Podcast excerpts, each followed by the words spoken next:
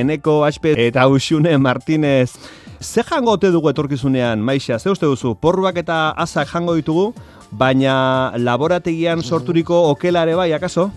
Beno, ba, argi dagoena da, e, dieta aldatu behar dugula, nahi badugu gutxienez ekologista izan. Zergaitik, ba, orain arte gutxi jakin dugu, baina gero eta informe gehiago daude, gero eta artikulu zientifiko gehiago daude, esate baterako, ba, okelari buruz, bereziki behi okela, baita ere arkume okela, eta behi esnea esate baterako ba, asko kontaminatzen dutelako.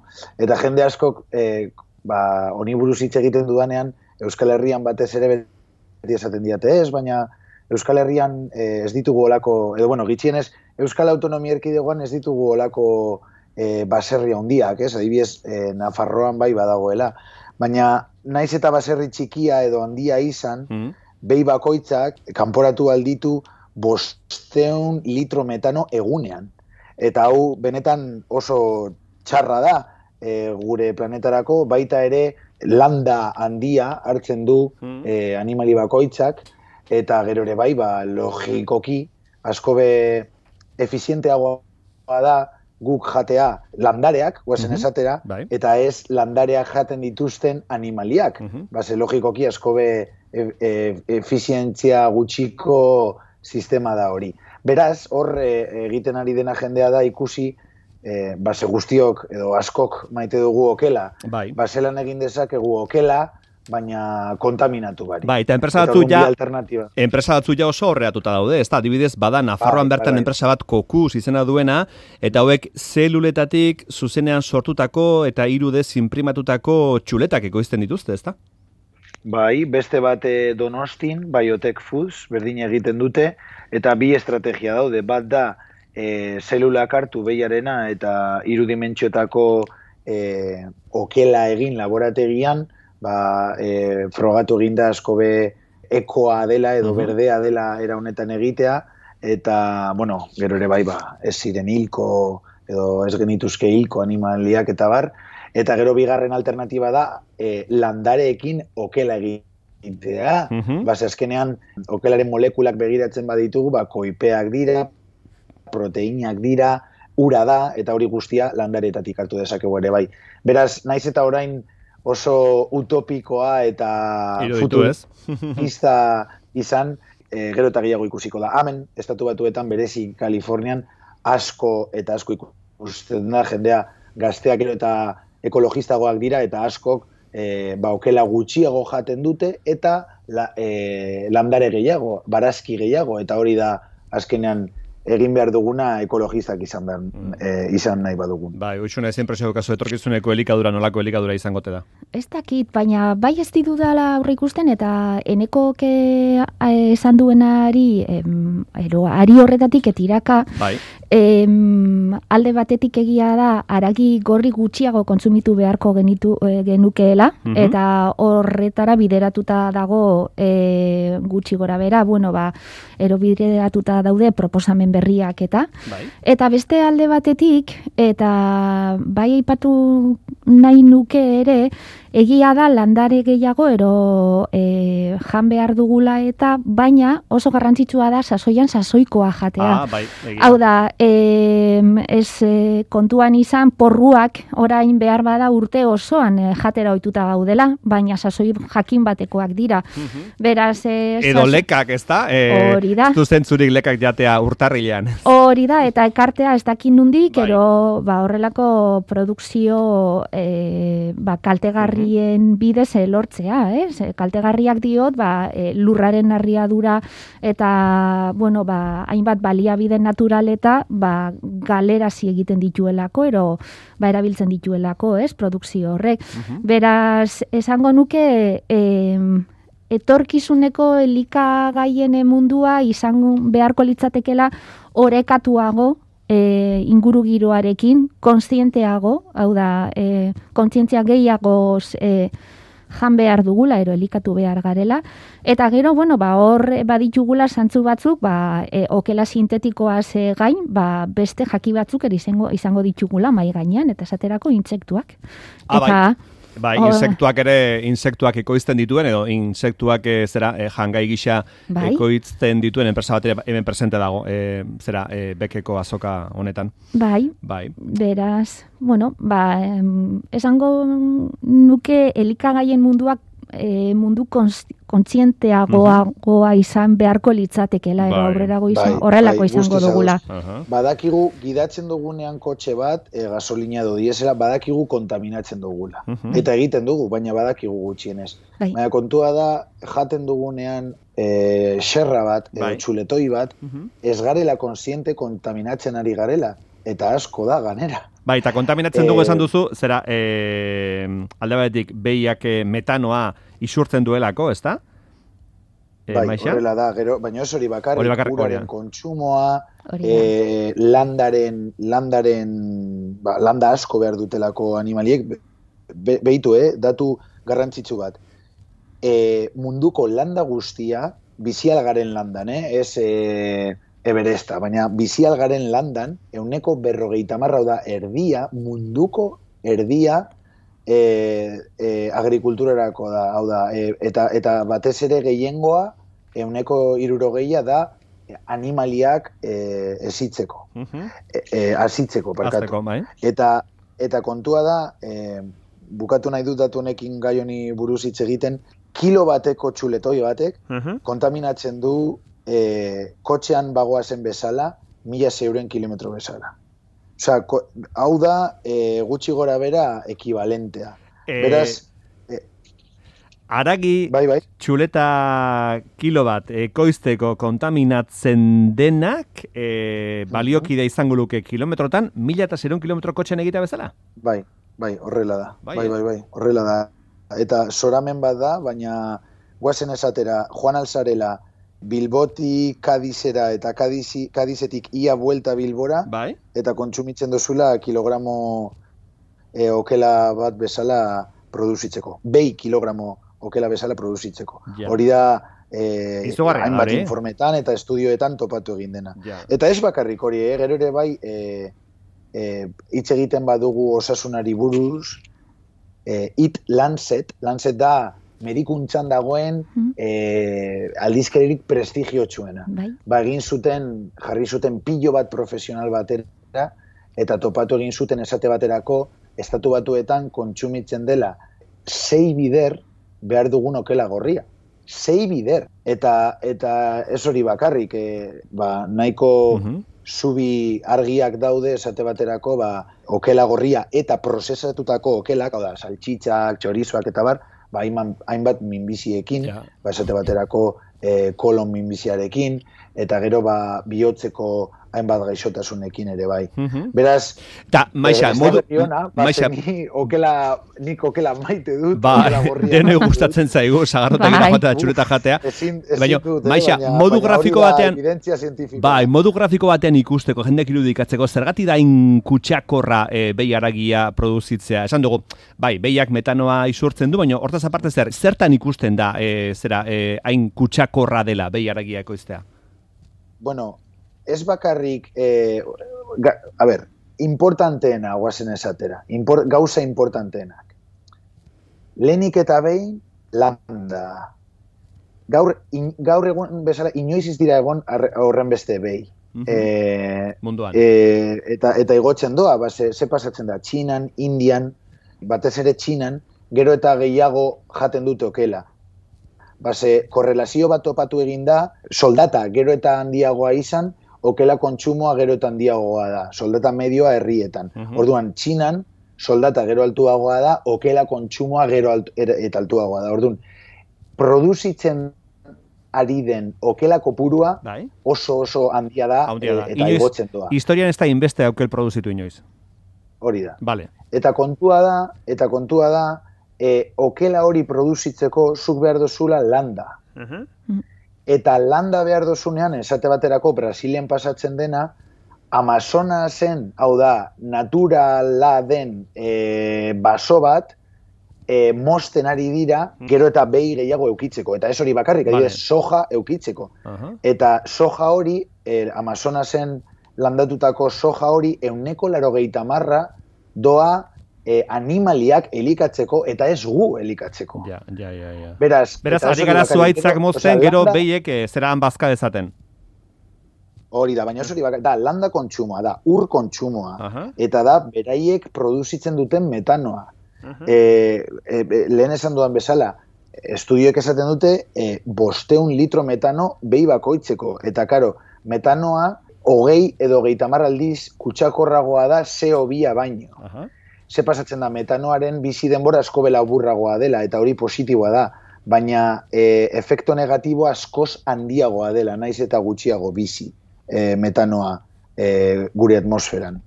Beraz, e, kontutan hartzeko gaia da, eta batez ere kontzientzia hartzekoa, base, mm. jendeak oraindi ez daki horri buruz.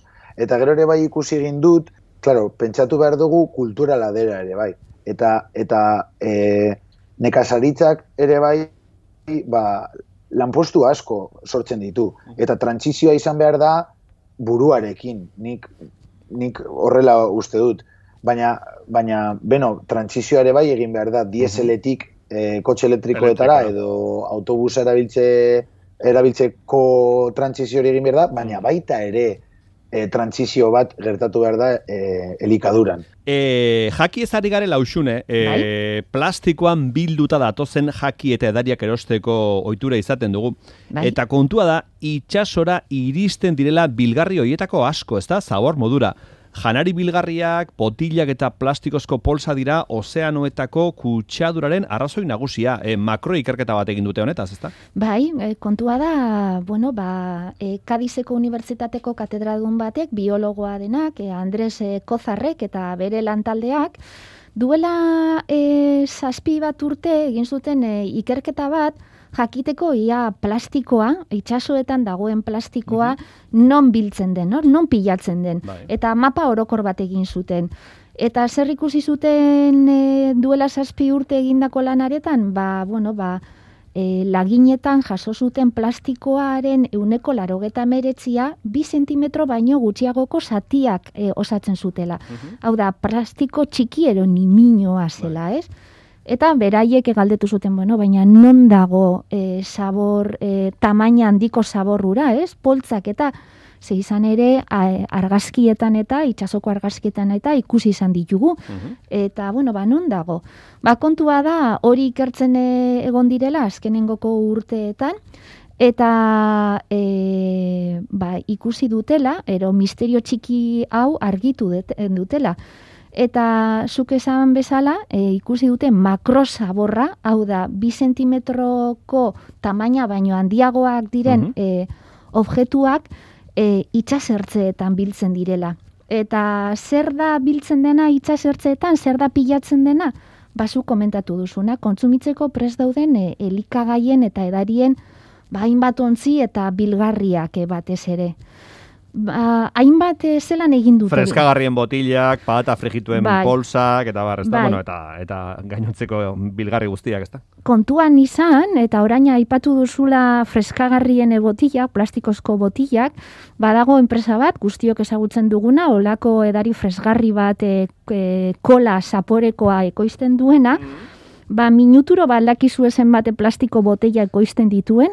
Zenbat hartu gaitzazu. Berreun mila botella minutuero. Minutuan. Mm Imaginatu horrek egunean zehar eta urte batean zenbat suposatzen duen. Hau da, zenbat plastiko tona ekoizten dituen e, ba, bere freskagarri hori ba, salgarri erosalmentan e, jartzeko. Bueno, ba, e, ikerketa talde honek egin duena da munduko datu baseetan gordetako amabi milioi sabor registro erabili dituzte. Eta datu horiek, ba, hainbat e, ba, gobernuzkanpoko erakundek eta hainbat ba, e, herrialdetako erakundeek izan dituzte bilduta, ez? Eta ikusi dute, bueno, ba, esaterako Europan urtero, ba, mota honetako saborra e, botatzen dugula itsasora, ose, oseanotara, eta bederatxirun daugeta bos milioi objektu, plastikozko objektu botatzen ditugula bertara. Zer utzi du agerian? Ba, makrosaborra, batez ere, ba, erabilera bakarreko poltzak, botillak, janariontziak eta bilgarriak osatzen dutela. Mhm. Eta hoiek direla gehien kutsatzen duten lau produktuak. Hau da, aurkitutako objektuen guztien ia erdia izan bai dira. E, ikertzaiek aurkitu duten guztiaren erdia. Eta lan honekin egin dutena da, bueno, ba, zenbakia jarri dizkiote mundu mailan ba, itxas zaborraren osaketari horreri, ez? Ikusi dute, batez beste, bueno, ba, urkitutako objektuen euneko laro gehia plastikozkoak direla. Mm. Eta plastikoa bada material nagusia ere, bueno, ba, ondoren beste e, produktu batzuk, ero material batzuk aurkitu dituzte. Alde batetik metala, beira, arropa eta eunak gogoratu orain dela hilabete batzuk hitz egin genuela, ba garbigailuetan ekarbitzen dugunero, ba arropa ekarbitzen dugun bakoitzean, bai. ba arroparen eun txikitxoak askatzen direla eta hoiek ez dira gelditzen e, zerean garbi gaiuetan, baizik eta uren bidez, ba, badoa zela. Itxasora, ez Itxasora, ze, e, ba, ez dira iragaizten, ez dira gelditzen uh -huh. ero, ez? Badago, badaude ere, ba, goma, papera eta prozesatutako egurra arrastoak ere aurkitu dituzte. Eta, bueno, ba, nun aurkitu dute hori, ba, esaterako, e, ibai ondoetan, ero ibai hartzeetan, itxasoaren e, onduan dauden ibai hartzeetan, zer aurkitu dute ba etxe bizitzarekin ero industria jarduerarekin lotutako objektuak aurkitu dituzte batez ere. Ondartzetan esaterako aurkitu duten zabor mota izan da batez ere tabako kontsumoarekin lotutako ondakinak hau da zigarro paketeak, zigarro paketeak biltzen dituzten plastikoak, eta adibidez basoa mateko pizgaiuak. Ja, baina hoiek, adiez, zigarro paketeen e, zera, e, zigarro pakete hoiek, zera, jendeak bota egiten ditu itxasora? Edo bai. lurrera botatzen ditu? Lurrera botatzen ditu. Ez ditu zaborontzira botatzen? Ez. Ez, ja, ez, ez.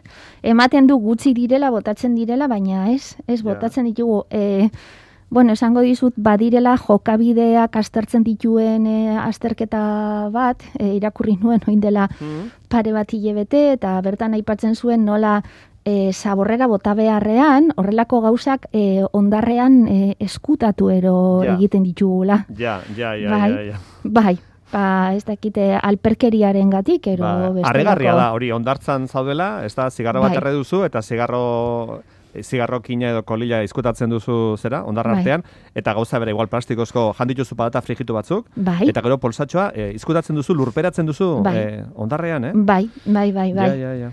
Eta gero esaterako, ba, kostatik hurbil dauden itsasondoetan, ba, batez ere e, botikena arrastoak e, aurkitu dituzte da. Uh Botiken bilgarriak, poteak, tiritak, eta baita ere higieneari lotutako artikuluak. Batez ere, ba, kompresak, pisa, ba, umen piso ialak, piso ialak, eta abarrez, eta zergatik, ba, horra gertzen dira komunetik behera botatzen ditugulako. Eta zer ah, gertatzen da horrekin? Ba, ikusten denez, egia da, kostaldean eta ba, hainbat zabor eta pilatzen da, baina bueno, tokiaren arabera, mota batekoa ero bestekoa e, aurkitu dute. Eta zer gertatzen da honekin? Bueno, ba, itxasertzeetan eta pilatutako zaborra, hmm. heltzen da momentu bat, ba, aizearen eta olatuaren behin eta berrizko eraginaren gatik, ba, bai. ba, e, ba, ur gainetatik e, kostalderantze, e, bueno, hor daudenak, ba, igiduraren gatik, horregatik, ez, eta gero arrokain kontra eta e, jotzen direnez, ba, e, apurtu egiten direla, zati txiki txikiak bihurtzen dira, hau da, mikroplastikoak. Eta behin mikroplastiko moduan e, bihurtuta daudenean, olatuek errezago eramaten dituzte itxasbarrenera, ero itxasbarrura. Eta itxase zabalean baskatu egiten dira, eta korronteetan sartzen dira eta orduan e, ozeano guztietatik barreiatu mhm. egiten dira mikroplastikoak. Beraz ikertzaien esanetan, bueno, ba, kostaldean pilatzen den zabor hori, makrosabor hori, bai. egia da penagarria dela, baina badela, ero izango litzatekela ere modu bat, zabor hori hartu eta geldiarazteko mikroplastikoen ba, zabaltze ero edatze hori, ez? Mm. Kontrolik gabe e, gertatzen e, dena. Eta, bueno, ba, e, ikertzaiek esaten dutena da, mm. ba, erabilera bakarreko plastikozko artikulu hauen ekoizpena ardura gabea behintzat zaiestu egin beharko litzatekela. Ja, gure portaerak, erabiltzaileon portaera desegokiak ere, ba horrek landu egin beharko liratekela eta ba, ekidin, eta, bueno, ba, plastiko hori berreskuratzeko sistemak ere, ba, martxan eta garatu beharko liratekela, eta bai. Indartu. Kontua da usune, erosketak egitera joaten zarenean oso zaila dela plastikoan bilduta ez dagoen produktuak erostea, ze dena dago plastikoan bilduta, ez da? Bai, baina ba, gauza batzuk manu behar bada ez du logikarik, hau da, zergatik platanoak erosten ditugu plastikoan e, bilduta. ez du zentzurik. Berako adu azala, gaineko bai, azala. Eta orduan, hartzen dugu plast, e, platanoak hartzen ditugu, plastiko baten sartzen ditugu, eta gero gainera, ba, tiketa jartzen diogu. Bai. Zer kostatzen zaigu platanoen gainean tiketa jartzea? Hau da, bai. e, ez dira, azkenean, babestuta dago, bere azala dauka. Bai, bai, ez du plastiko behar, ez da? Bai. Hori da, eta oiturasko daukagu guztia poltzaratu, mm eta gero tiketa jartzeko. Bueno, ba, e, oitura txiki horiek aldatuz gero, ba, behar bada e, txikiak mm. izango dira aldaketa horiek, baina aldaketa txiki askok aldaketa handi bat bideratzen bai. dute, ero, behintzat, ba, alegin, Bueno, egin ditzagun... Eta badakizu zen izango zen nire ustez aldaketa efektiboena, bai. gobernuek jarriko bazuten impostu handi bat, ba, plastikoa... Plastikoari. Bai. Plastiko ekoizlei eta plastikoari. Ez, ez, ez ekoizlei baizik eta alternatiba badaukagun mm. plastikoa ez erabiltzeko, bai eta plastikoa erabiltzen badugun, bueno, ba, ba ordaindu impostu bat, ordaindu zerga berezi bat, plastikoari zerga berezi bat jarri, bai. eta horrela kontsumoa behera joango zen hmm. automatikoki. Hemen utziko dugu gaurko jarduna, e, aragi xerrak erostera joateko asmoen euka, baina ez dakit zerrekin. bueno, e, erosiko ditut, baina erosiko dizkiot herriko baserretarari. Oso, ondo, eh? Uxune, maixa, eskarrik asko bikotat. Ondo, ondo ibili. Esarka ondi bat, agur, agur.